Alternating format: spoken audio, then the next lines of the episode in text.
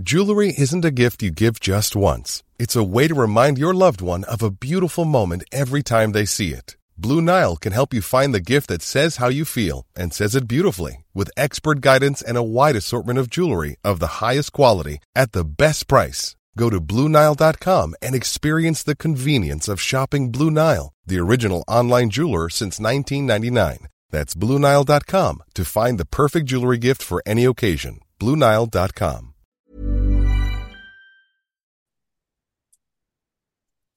Halo pendengar kandang-kandang Manchester United Podcast, kembali lagi bersama kita berdua ada Saung dan Alvin di sini. Dan ternyata walaupun bermain di kandang hasilnya tetap sama saja.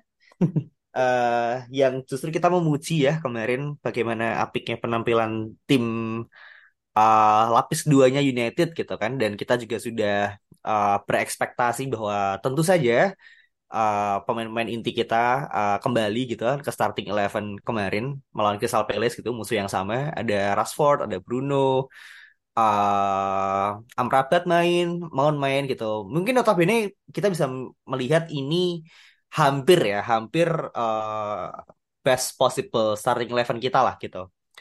Tapi nyatanya hasilnya tetap uh, sampah uh, kalah 1-0 golnya Anderson ya Vin ya? Ya, dan eh kayaknya kita juga nggak nggak bikin banyak chance kemarin.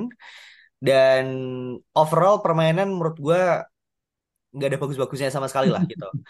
Gue tidak tahu eh apakah memang ini apa ya masalah mentality atau masalah game plan atau memang pemainnya memang nggak bisa perform. Cuman yang jelas ada satu pemain yang eh sangat ramai diperbincangkan ya di pertandingan kemarin gitu yaitu tuan muda Rashford. Nah, ini pendapat lu seperti apa, Vin? Terhadap sang tuan muda Bupati Manchester ini. di Manchester, iya iya, iya. Gua gua kemarin dari babak pertama ya, gua udah udah langsung nge-tweet gitu loh. Kayak tadi itu gue nggak mau nge-tweet apa-apa, tapi sama kok gue gatal gitu pengen nge-tweet kayak anjir ini kok kayak sama aja gitu, nggak ada perubahan. Kalau ada crowded, ada ada some, eh, tempat yang crowded tuh malah disamperin. Kemudian decision making itu dari awal udah kayak gitu. Momen di mana dia bisa cutback ke Mason Mount atau ke Bruno yang lebih simple, dia digoreng sampai ujung gitu, pengen langsung eh, apa crossing atau pengen langsung shoot gitu, pokoknya dibawa ke ujung lah gitu. Itu berkali-kali di babak pertama gitu. Makanya gue udah gatel di situ. Ya sisanya sih ya kita udah tahu sendiri lah ya kayak apa. Akhirnya diganti menit 70-an something dan ya gue jujur ya gue pengen mendeklarasikan bahwa gue tuh bukan pembenci Rashford gitu. Cuma gue memang mengkritisi gitu setiap pemain yang memang nggak perform tapi tetap dipakai lah kasarnya gitu. Dan ya jujur ya menurut gue gitu ketika Rashford keluar ke- di menit 70-an MU sedikit lebih cair gitu. Kayak lebih apa ya beda lah. Apalagi ketika Garnacho yang main di kiri. Itu kayak langsung hidup banget dan kayak ada outputnya. Entah dari shoot entah dari passing atau crossing apa pun itu gitu. Jadi kayak gue nggak bilang Rashford jelek tapi kayaknya dia memang secara mental state-nya tuh lagi di bawah dan itu menurut gue harus di manage dengan baik gitu kalau misalnya kita mau ngomong jual-jual atau apa ya itu pastinya nggak bisa sekarang gitu mungkin kita bisa bicara itu nanti tapi at least buat sekarang ini harus ada sebuah action yang diambil sama Ten Hag apa pun itu. Ya, ya. Nah, ini eh, menarik ya karena tadi lo bilang soal mentalitas gitu. Tapi beberapa orang berpendapat bahwa ya memang Rashford tuh memang dari dulu kayak gini, Bro, gitu. Memang dari dulu tuh dia ya seperti itu gitu. Dan penampilan yang dia tunjukkan kemarin itu eh, seolah-olah mengingatkan kita kembali pada di musim 21-22 ya. Ketika dia benar-benar lagi di eh, masa-masa terburuknya lah gitu. Dan saat itu kalau nggak salah strikernya siapa ya? Ronaldo. Cavani. kalau ya. Cavani. Cavani ya? Nggak, Cavani kayaknya bukannya dia sempat perform ya? Ya itulah masa-masa peralihan gitu lah Cavani atau Ronaldo gue gue cukup eh, gue agak lupa. Maksudnya musim terakhirnya Ole lah yang dia sangat buruk gitu. Nah dengan cuplikan-cuplikan yang ditampilkan gitu, memang menurut gue pribadi ya memang dia seperti itu men gitu. Dia tuh eh apa ya? Dia tuh kayak anaknya suka challenge ya. Jadi ketika ada decision making yang gampang gitu ya, lo bisa langsung passing ke striker lu atau lo bisa playing long ball untuk ke apa sayap kanan gitu kan? Atau mungkin lo bisa crossing instead of lo shooting gitu. Nah dia malah justru milih opsi yang sebaliknya gitu. Dan uh, ini justru makin apparent sekarang gitu, makin terlihat sekarang karena kita akhirnya punya striker yang memang kita invest dengan nilai yang cukup tinggi gitu ya, 75 juta pounds gitu kan di usia yang muda juga dan memang punya uh, kita saat ini punya sistem permainan yang jelas gitu. Makanya kekurangan Rashford ini uh, lebih lebih jelas sekarang gitu. Nah, menurut lo sendiri apakah memang ini apa ya uh, memang permainan Rashford seperti ini atau lo masih tetap yakin bahwa ya ini hanya mentalitas saya sih atau mungkin ya Rashford hanya out of form lah gitu Iya, iya. Tadi ketika gue bicara mentalitas, mungkin memang apa ya? Uh, dia, gue masih percaya gitu. Sebenarnya gitu, dia bisa-bisa aja. Setiap pemain tuh bisa-bisa aja untuk uh, masuk ke dalam sebuah sistem gitu. Tinggal dia mau beradaptasi atau enggak. Ya, gue sih ngelihatnya kayak misalnya contoh ya kayak misalnya Brighton gitu. Dulu sebelum dibawa sama Potter dengan permainan yang bagus juga, kita nggak ada yang tahu kan dia mainnya kayak apa gitu. Tiba-tiba dalam semusim bisa diubah menjadi permainan seperti itu gitu. Jadi kayak sebenarnya kalau pelatihnya bisa nge-coach dan juga pemainnya mau di-coach gitu dan mau mengikuti, gue yakin pasti bisa-bisa aja gitu. Tinggal masalah ego atau masalah keterbiasaan aja dan mindset mau berubah atau enggak gitu. Nah, gue merasa kayaknya Rashford ini um, apa ya struggle ketika memang bermain dalam sistem gitu dan somehow ketika dia udah nggak nyaman dalam sebuah instruksi khusus dia jadi yang ngedown dan kalau udah ngedown kena di mentalnya juga gitu jadinya akhirnya nggak perform dan contoh yang paling buruk kan ketika juga dia ya tadi bener ketika main sama Ronaldo itu. Itu musimnya Rangnick kan berarti kan? Nah hmm. Rangnick kan lu tahu sendiri sistemnya kayak apa? Rigid banget kan gitu. Di mana sempat main kita empat empat dua dua dua gitu. Rashford menjadi salah satu playmakernya gitu. Kan lebih aneh lagi gitu. Dia di, di nomor 10 bareng Bruno depannya Greenwood sama si Ronaldo gitu. Jadi dan Rangnick waktu itu kan mencadangkan Rashford kan apa ya kayak dia bahkan mau ngejual Rashford ke PSG gitu jadi kayak hmm. mungkin pelatih-pelatih yang memang punya sistem khusus pada akhirnya tuh sebenarnya nggak cocok gitu loh sama dia gitu atau memang Rashfordnya nggak cocok sama sistemnya sama sistemnya rigid ini dia bagus ketika dibebaskan dan dalam skema bagaimana counter attack tuh menjadi skema utamanya gitu. Contoh kayak di Ole atau di Mourinho gitu yang mana uh, lebih low block kemudian counter ya Bruno dan Rashford ini benar-benar menjadi partner yang sangat bagus gitu karena space-nya banyak kan gitu. Ketika counter kan paling lu cuma ngelakuin satu atau dua gitu. Tapi kalau misalnya lu dalam sistem yang kita in possession, lu mungkin yang dihadapin tiga orang men gitu.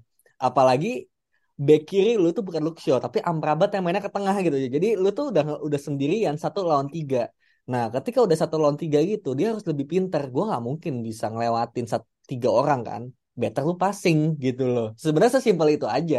Cuma karena gue bukan pemain bola ya jadi gue nggak tahu kenapa dia seperti itu gitu loh. Jadi ya mungkin lebih kepada keterbiasaan dan juga ego dia nggak mau menuruti gitu kan. Tapi ya sejauh ini gue merasa kayak untuk MU yang lebih baik gitu seenggaknya Ten Hag harus lebih disiplin bukan MU bukan Ten Hag ya tapi lebih bisa memanage bagaimana ya udah Rashford mungkin di drop dulu gitu biar kayak ada shock effect bahwa lu meskipun gaji salah satu tertinggi dan mungkin uh, anak kesayangan lah ya kasarnya anak kesayangan Manchester gitu lu juga bisa di drop gitu kasih ke Garnacho emang perform dari kemarin kayak gitu ya menurut lo kalau misalnya dia di drop apakah uh, ada sesuatu yang menahan Ten Hag gak? Entah itu mungkin ada klausul gitu ya di kontrak barunya gitu kayak ya dia kan uh, ini ya anak sayangan Manchester gitu kan uh, warga lokal uh, akademi boys gitu lo harus main sepersekian games gitu kan uh, untuk dapetin sesuatu sesuatu gitu kalau misalnya teman-teman yang main uh, FIFA karir kan pasti ya ada tuh ketika kita perpanjang kontrak kan uh, pemain hmm ada pilihannya berapa appearance gitu kan yang harus diwajibkan gitu. Hmm. Uh, terus dia dapat bonus berapa gitu. Nah mungkin uh, hal ini ada kali ya di kontrak Rashford gitu. Makanya di udah berapa game sekarang kan? 6 7 8 games kan gitu dan di setiap pertandingan justru MU bermain baik tanpa Rashford gitu. Mungkin ya di pertandingan selanjutnya gitu ya, uh, setelah ini yaitu lawan Galatasaray di Champions League, kita akan melihat uh, Garnacho, Vin, Menurut sangat lo? mungkin, sangat mungkin gitu. Karena memang uh, eh, gue juga baca bahwa kemarin Ten Hag juga sempat mungkin mengkritik secara halus ya Rashford di media gitu ketika bagaimana tentang Rashford dia bilang ya dia harus mencoba lebih keras lagi dia harus berusaha lebih keras lagi gitu untuk mencetak gol untuk ngepres dan lain-lain gitu meskipun mungkin bentuknya bukan kritik ya tapi lebih kepada uh, himbauan atau masukan kayak lu harus uh, fight harder lah kasarnya gitu. Jadi um, ketika memang kemarin terlihat Garnacho yang sepertinya lebih masuk ke sistem gitu dengan sistem bagaimana kita harus pressing dan nggak banyak dribbling lah ya kasarnya gitu. Ya sangat mungkin untuk uh, Rashford di drop sementara. Toh di drop juga bukan lagi nggak dimainin kan, bisa aja memang ya. diistirahatkan atau apa ya kayak uh, menjadi super sub di babak kedua. Jadi itu masih sangat mungkin. Dan ketika lu bilang tadi um, ada nggak yang menahan Ten Hag gitu? Ini sebenarnya kita bisa baca ada threadnya ya, ada namanya The Red Devils apa gitu, gue lupa namanya ada ada akun Twitternya gue juga sering like atau retweet di situ bahwa ada yang bilang bahwa Ten Hag ini musim ini dia benar-benar abandon his philosophy gitu. Nah, gue gua agak agak sedih kalau ternyata Ten Hag ini benar-benar meninggalkan filosofi bermain di Ajax demi mengakomodir Rashford dan Bruno gitu loh. Yang yeah. memang bermainnya lebih direct dan counter gitu. Jadi kayak apa iya lu seperti itu? Kenapa lu nggak mencoba bikin sistem kemudian Rashford sama Bruno yang menyesuaikan gitu? Jadi ini ini misteri gitu, nggak ada yang tahu kan. Tapi katanya seperti itu gitu. Jadi kayak mungkin memang pada akhirnya kenapa Rashford dimainkan karena memang itu udah plan Ten Hag dari awal gitu loh. Makanya gue sempat bilang kemarin ketika kalah salah siapa?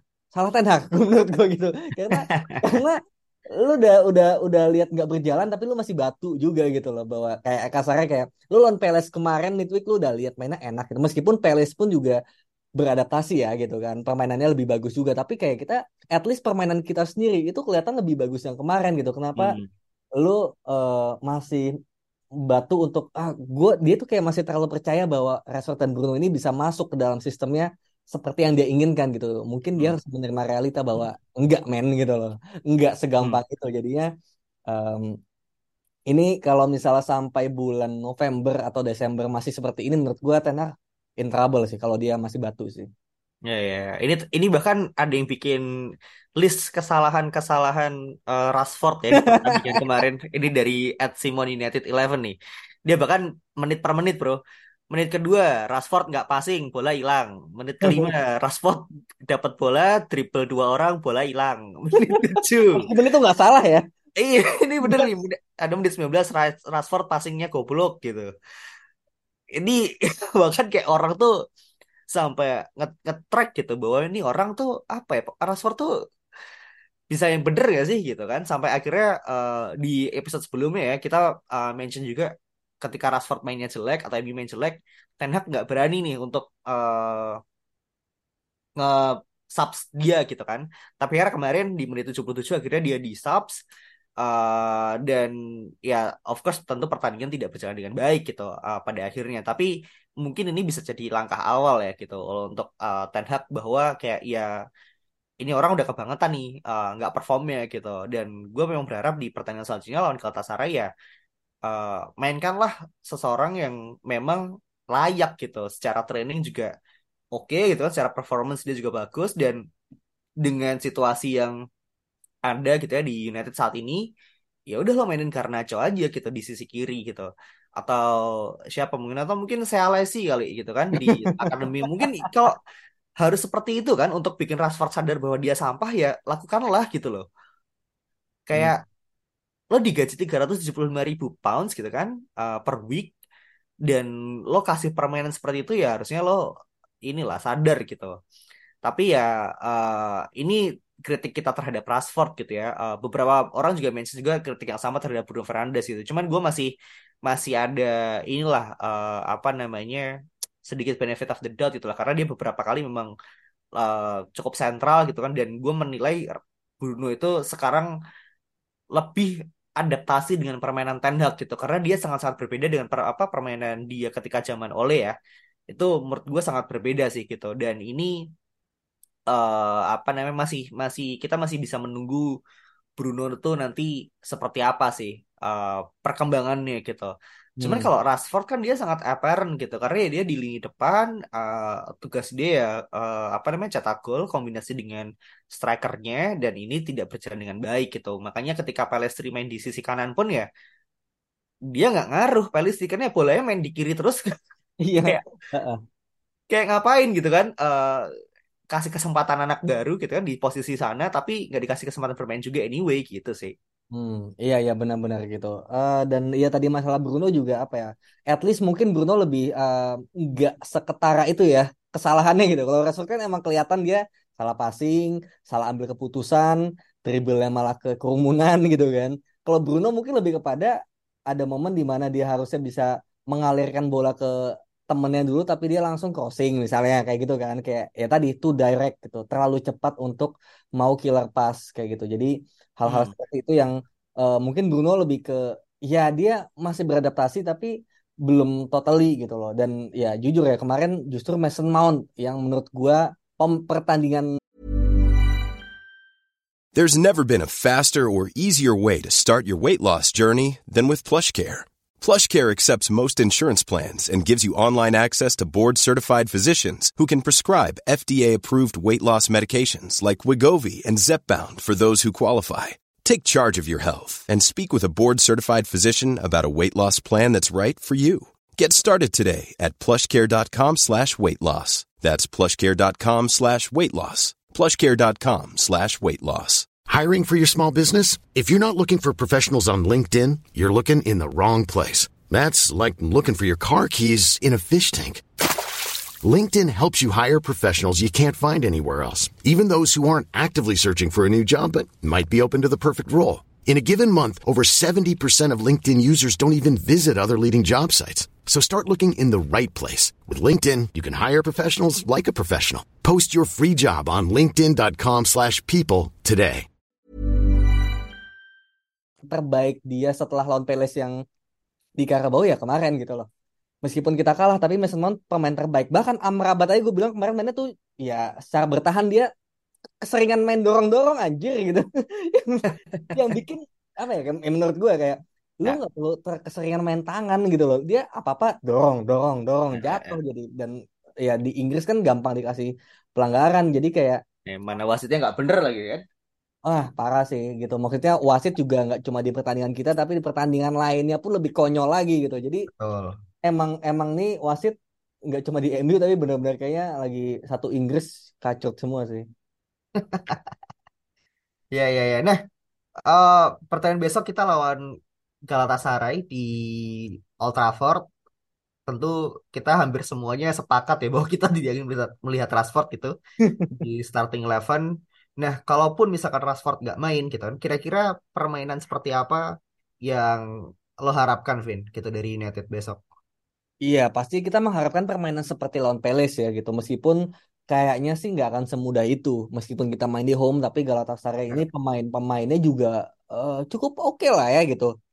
Di penyerang tuh ada Icardi, kirinya ada Zaha nih ya, ex lagi kan gitu. Ya. Kanannya ada Ziyech, kita nggak tahu Ziyech main di sebagai eh, nomor 10 atau di kanan. Ada Mertens juga ex Napoli gitu. Mungkin Mertens yang di belakang striker. Jadi em, ini tuh eh, kipernya tuh Muslera men gitu kipernya Uruguay dari zaman dulu kita nonton bola 2010-an pasti tau lah si Fernando Muslera gitu kan jadi ini Galatasaray bukan tim yang sembarangan menurut gua dan sangat mungkin untuk menyakiti kita gitu dengan counternya dengan gol-gol ajaib gitu kalau kita nggak disiplin gitu. Jadinya menurut gua gua berharap kita benar-benar bisa totally control the apa ya match ya dengan cara yang benar gitu bukan dengan cara ya menurut gue Tanah agak ngeles sih ketika dia bilang kita mengontrol pertandingan kok lawan Burnley mana ada gitu loh. Lawan Burnley kita benar-benar di apa diacak-acak gitu. Jadi Iya, betul. semoga kita benar-benar mengontrol seperti lawan Palace di midweek gitu. Makanya eh, kita mau melihat ada perubahan-perubahan gitu. Contohnya Rashford diganti Garnacho gitu. Ya nggak apa-apa kalau misalnya Garnacho ternyata nggak perform ya masukinnya Rashford gitu misalnya kayak gitu. Itu dan em, yang menariknya lagi ternyata Anthony udah latihan ya gitu. Nah ini menurut lo apakah dia langsung jump into starting atau masih kasih Pelistri lagi atau mungkin ada perubahan Bruno di kanan kemudian skemanya seperti apa nih Anthony? Ya untuk Anthony sih menurut gue eh, dia nggak akan langsung masuk right away ya karena dia udah eh, apa namanya mungkin juga udah bolos latihan berapa kali ya gitu kan selama mungkin hampir sebulan ini gitu dan gue yakin dia juga punya maksudnya secara physically juga dia pasti bisa lah untuk langsung main gitu kan tapi menurut gue eh, di sisi kanan ini masih perlu apa ya masih perlu kita kasih waktu dan kesempatan lah gitu untuk pemain yang memang eh, secara fisik dan juga mentally udah siap untuk bermain gitu. Uh, entah itu Pellistri, Mount ataupun Bruno di sisi kanan gitu kan. Jadi kayak menurut gue Anthony masih perlu waktu gitu kan. Harusnya pun juga nanti ya ketika Anthony main ini tamparannya sih harusnya ke Jadon Sancho ya gitu. Karena sampai masalahnya Anthony udah mau kelar aja, gitu, aja dia masih gak dapat main kan. gitu. Iya. Jadi ya uh, untuk Anthony ini tentu akan uh, tetap jadi berita baik gitu ya karena kita akhirnya uh, udah ketambahan satu pemain lagi uh, untuk jadi selection. Tapi uh, gue sih tetap akan expect Anthony akan tetap di sideline dulu sih sampai dia benar-benar siap ya secara mental untuk bermain lagi gitu sih. Hmm, iya ya. Tapi tapi melihat enak ya, kayaknya Hmm. mungkin Sancho ini jealous itu sama Anthony menurut gua kayaknya ya gitu. Jadi Oke. dengan eh, si Ten Hag juga bilang Sabtu dia langsung latihan gitu. Jadi Ya. dan dia juga bilang bahwa Anthony meskipun nggak main sebulan tapi dia tetap fit gitu. Jadi gue Hmm. punya feeling dia bakal main gitu loh. Karena emang Ten Hag ini kan apa ya bener-bener mendewakan ya Anthony gitu. Mungkin jadi kayak agak-agak eh, favoritism ya menurut gue gitu. Mhm. Eh, jadinya dengan dia nggak ada Anthony nggak ada Sancho juga ini sisi kanan benar-benar lemah gitu loh dengan Pelistri di sana ya kalau lawannya Peles yang Karabau mungkin bisa gitu tapi kalau udah Mhm. Peles yang eh, Premier League kemarin itu dibully main Pelistri benar-benar dia nggak Ya. bisa holding the ball dengan baik gitu loh kayak ya secara fisik dia nggak bisa gitu loh untuk keep up dengan itu gitu jadinya agak sulit melihat itu apalagi gelandangnya kita Amrabat pasti di back kiri lagi kan gitu kayaknya Reguilon belum bisa main gitu Amrabat di back kiri lagi, tengahnya juga jadinya bolong kan, nggak mungkin kita mainin McTominay. Tapi bisa aja misalnya ternyata Casemiro, Bruno sama Hannibal kan, katanya Mount bisa aja gitu. Tapi gue punya feeling sepertinya eh, Anthony bakal starter sih gitu dan ya gue yakin pasti itu juga langsung di apa ya dikritik mungkin ya, apalagi kalau nggak Mhm. perform gitu.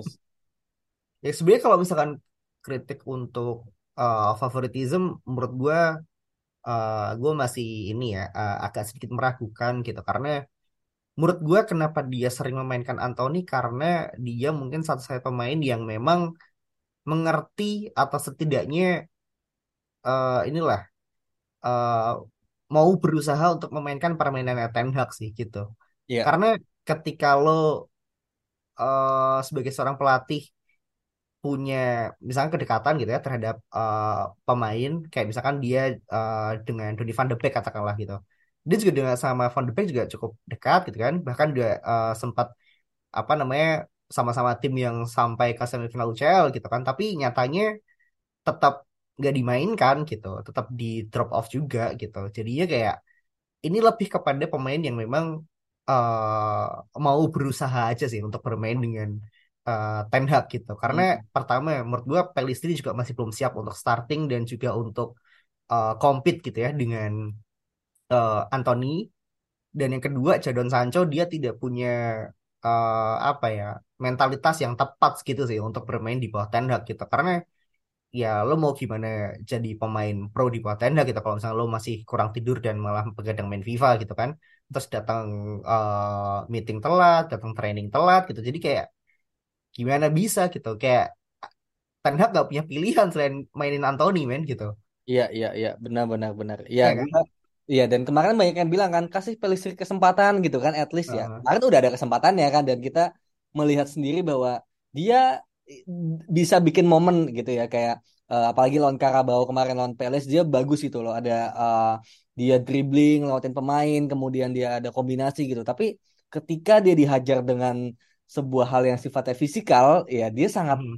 apa ya, dia nggak bisa menahan bola dan ujungnya kita hilang bola lagi gitu. Jadi memang dia masih butuh untuk bulk up ya ininya eh, badannya dan menggunakan itu dengan baik dan kalau itu dia bisa sebenarnya dia punya kesempatan tapi kalau belum sih menurut gue ya ya benar sih masih bakal Anthony dan dulu kan di awal Tenar pernah bilang kan gue sign Anthony sampai rela 100 juta itu ya gara-gara Anthony itu udah ngerti gue maunya apa gitu. Jadi betul. lu nggak perlu effort buat ngejelasin. Kalau ke pemain lain mungkin harus dijelasin ini skemanya A B C D E.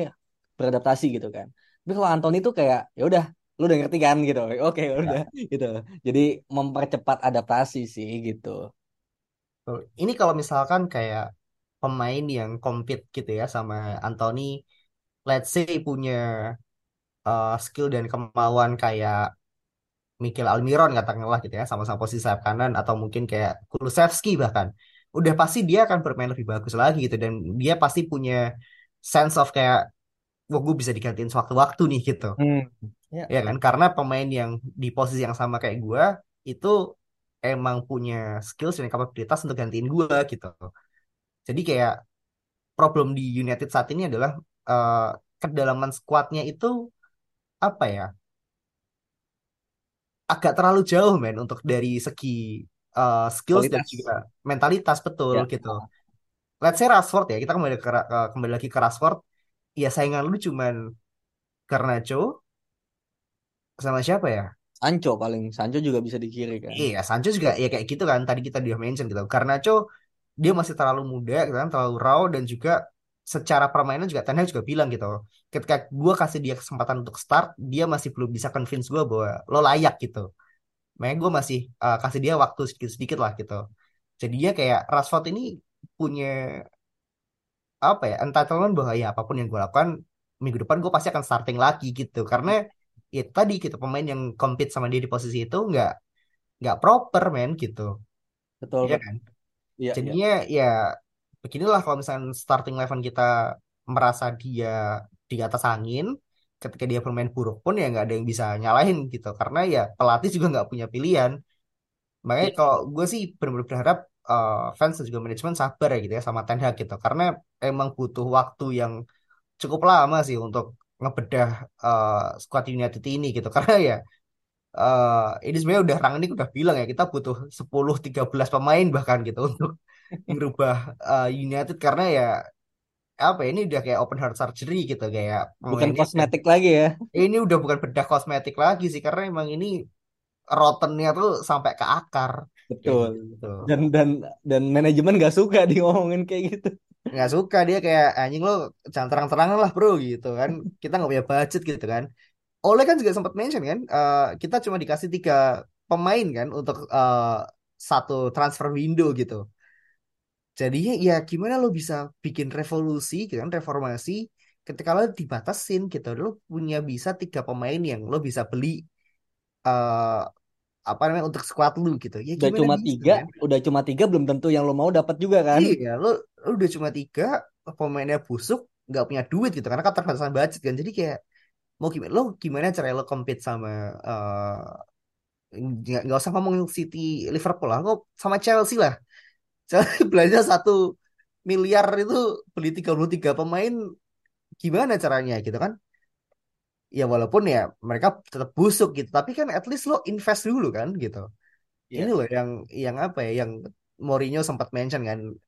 Kayak sempat di list down waktu itu ya Aguero siapa siapa. Ini investment from the past gitu ya. Investment from the past ya United nggak ada yang bagus gimana lagi? Iya, iya, iya, benar, benar, benar. Memang apa ya masalah MU ini memang kompleks dan em, udah mulai banyak ya kemarin ya Ten Hag out meskipun cuma satu jam gue lihat di jam selanjutnya udah hilang gitu. Tapi iya nggak mengubah masalah apa pun gitu. Oke, mungkin Ten Hag memang banyak salahnya gitu. Tapi lu ganti dengan siapa pun itu bakal ketemunya masalah yang sama gitu. Jadi percuma. Lu mending fokus dan dukung dengan yang sekarang karena memang Ten Hag bilang gua diwarisi bad culture gitu dan ini yang lagi diubah gitu bagaimana menghadapi Sancho gitu kan. Kemudian Rashford juga sempat dihukum Garnacho juga gitu. Jadi semua lagi diubah. Jadi semoga kita bisa eh, membenahi ruang ganti, tapi result juga at least nggak jelek lah gitu. Makanya kemarin em, itu mungkin ya part of lah ya, part of di mana Ten Hag melakukan kesalahan. Tapi gue berharap lawan Galatasaray ini nggak boleh karena kita udah nol poin ya di eh, Liga Champion. Jadi kita harus manfaatin laga home gitu. Mumpung ya, ya. kita juga lagi in a good run with fixtures-nya ya. Jadi semoga bisa menang. Ya kita tahu di Galatasaray itu atmosfernya gila kan. Jadi di home harus menang dan gue udah nggak mau tahu lagi gitu. Kayak ini kalau kalah lagi nih, ini menurut gue Ten Hag really in trouble sih. Jadi gue gua nggak berharap banyak tapi semoga main benar dulu aja gitu. Ya betul. Dan apa yang kita eh, sampaikan di episode ini ya memang keresahan kita semua gitu ya. Dan kita juga eh, apa namanya nggak bilang bahwa Rashford jelek gitu kan. Karena memang dia adalah pemain yang di musim lalu benar-benar jadi tumpuan kita gitu kan.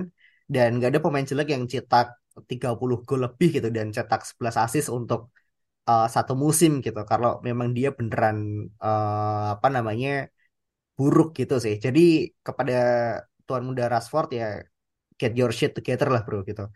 Karena ini beneran uh, apa namanya butuh lu lah kasarannya gitu. Karena ya itu tadi gitu banyak sekali problem yang Ten hadapi uh, dari segi uh, manajemen gitu kan, uh, budget, spending segala macam, lalu kedalaman squad, lalu dengan fixture yang uh, susah, belum lagi juga dengan uh, masalah-masalah wasit yang nggak jelas. Jadi kalau misalnya pemain ini nggak kompak gitu kan dan nggak perform ya akan sangat sulit sih untuk United ke depannya.